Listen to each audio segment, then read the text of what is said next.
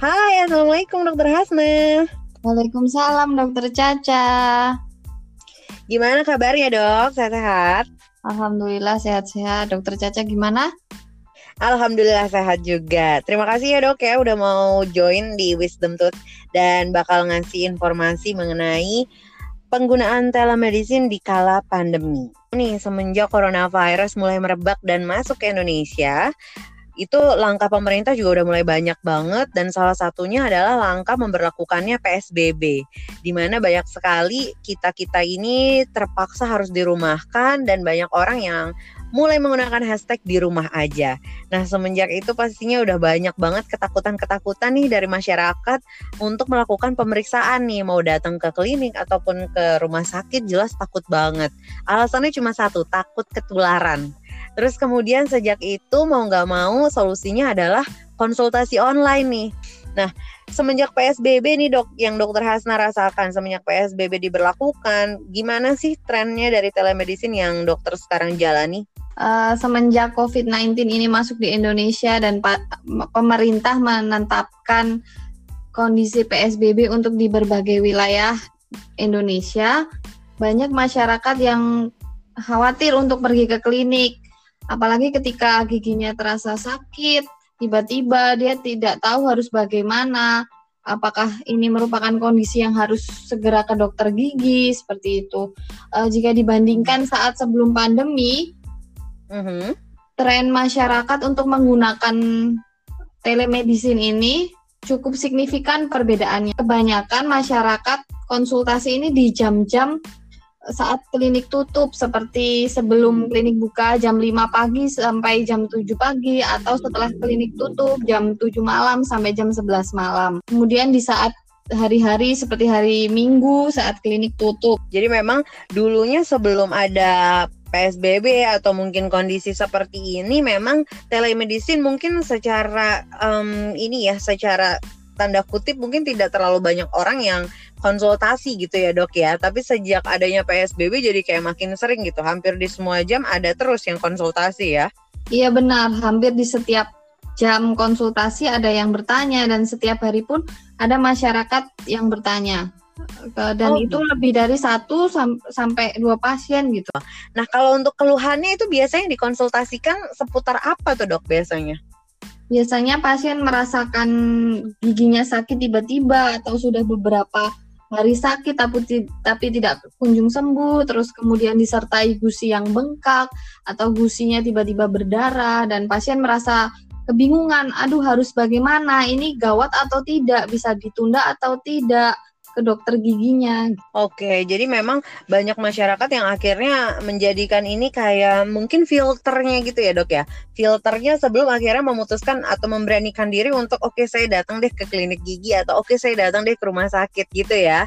Dan kalau misalnya lihat dari keluhannya mungkin memang rata-rata sudah mengeluhkan sakit lama, tidak sembuh-sembuh atau mungkin juga ada nyeri yang hebat dan mengganggu istirahat gitu ya mungkin ya dok. Atau mungkin yang kadang juga menerima ini gak sih? Yang sedang rawatan lanjutan itu kan biasanya kayaknya udah mulai panik nih. Udah lama banget saya udah sebulan iya, nggak benar.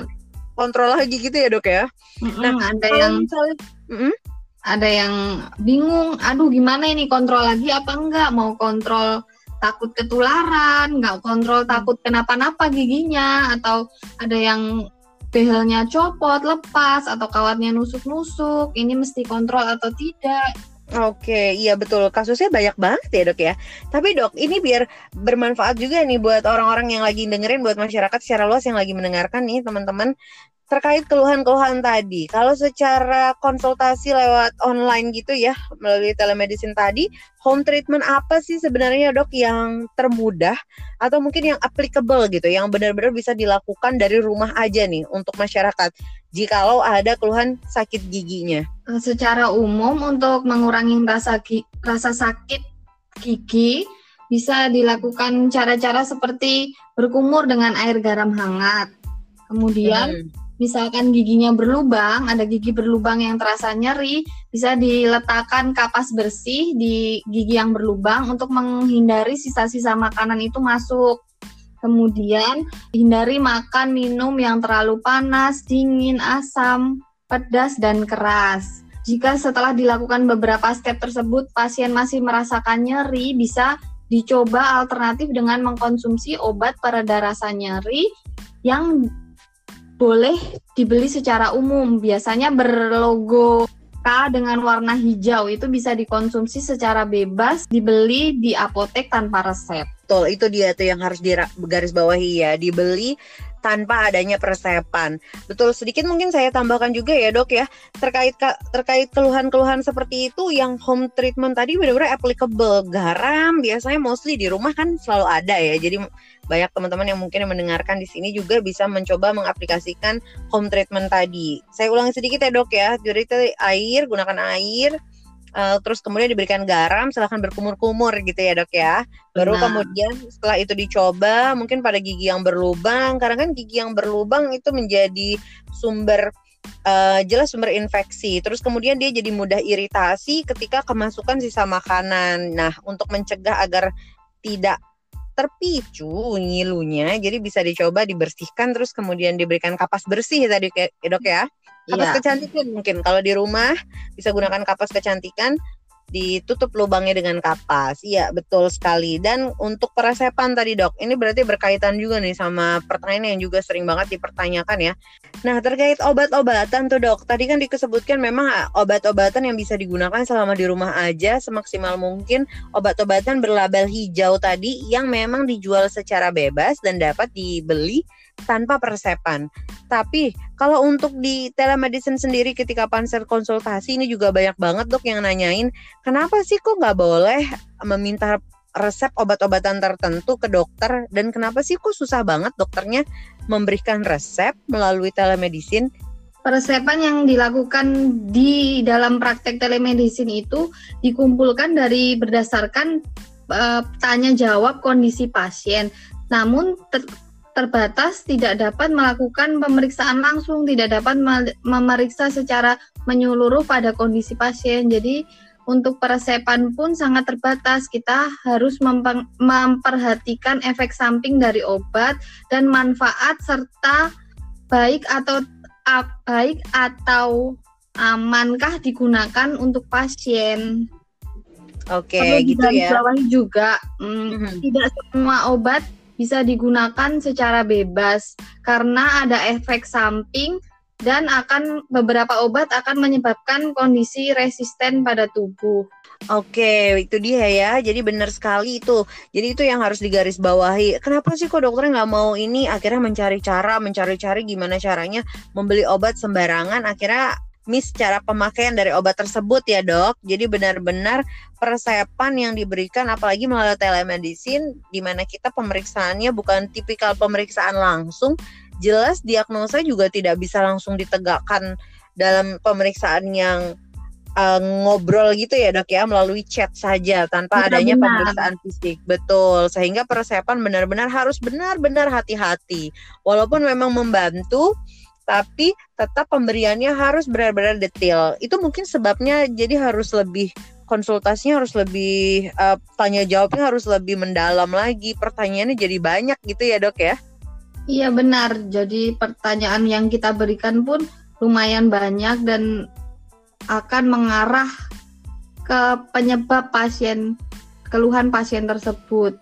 Tapi dok, kalau misalnya kita konsultasi online gitu, kira-kira batasan-batasan seperti apa sih yang akhirnya oh ini udah udah gawat nih kamu wajib banget nih ke dokter gigi atau ini bisa ditunda coba home treatment dan lain sebagainya itu kira-kira gimana dok? Biasanya kita akan menggambarkan beberapa red flag atau tanda kegawat darurat pada pasien seperti uh, keluhan nyeri terus-menerus tidak tertahankan, tidak berkurang dengan obat, kemudian bengkak yang uh, meluas hingga area wajah, ada demam apa atau perdarahan yang sulit dihentikan, gigi goyang. Dengan kegawat daruratan tersebut, pasien akan dirujuk dengan aplikasi juga bisa ke uh, rumah sakit atau dokter pelayanan terdekat. Betul. Apalagi di telemedicine sekarang ini juga bisa connect langsung gitu ya dok ya. Nih uh, bisa dikonekin untuk langsung bikin janji sama dokter-dokter di rumah sakit-rumah sakit yang posisinya berdekatan dengan si uh, pasien yang konsultasi. Ya nggak sih dok? Bisa ya? Iya benar. Jadi ketika kita merujuk ada apa ada menu untuk rujuk pasien ke dokter spesialis apa atau ke dokter gigi misalnya nanti akan ada uh, daftar dokter gigi yang praktek di rumah sakit terdekat dari posisi pasien kemudian sudah lengkap dengan jadwal praktek dan bisa sekaligus untuk membuat appointment. Oke, itu dia sih kelebihan juga dari salah satu telemedicine. Ketika misalnya kalian nih punya keluhan gigi, bisa konsultasikan sebaik mungkin diberikan penjabaran yang baik. Jika bisa berkenan mengirimkan foto, mungkin khusus untuk kasus dokter gigi juga butuh banget karena kita memang mainnya harus ngecek dulu sih ya, ada pemeriksaan tuh para palpasi, perkusi dan lain sebagainya. Cuman itu keterbatasan dokter gigi tidak dapat dilakukan sehingga butuh tanya jawab yang panjang ke pasien, melihat foto foto dan mempertimbangkan uh, derajat nyerinya juga seperti itu. Nah, kalau misalnya butuh konsultasi lebih lanjut, biasanya dokter pasti akan menyarankan nih kondisi-kondisi seperti itu yang tadi dokter Hasma sudah sebutkan itu adalah kondisi yang alarm gitu ya atau mungkin yang sudah saatnya untuk benar-benar bertemu dengan dokter gigi dan mendapatkan treatment segera mungkin ya, Dok ya.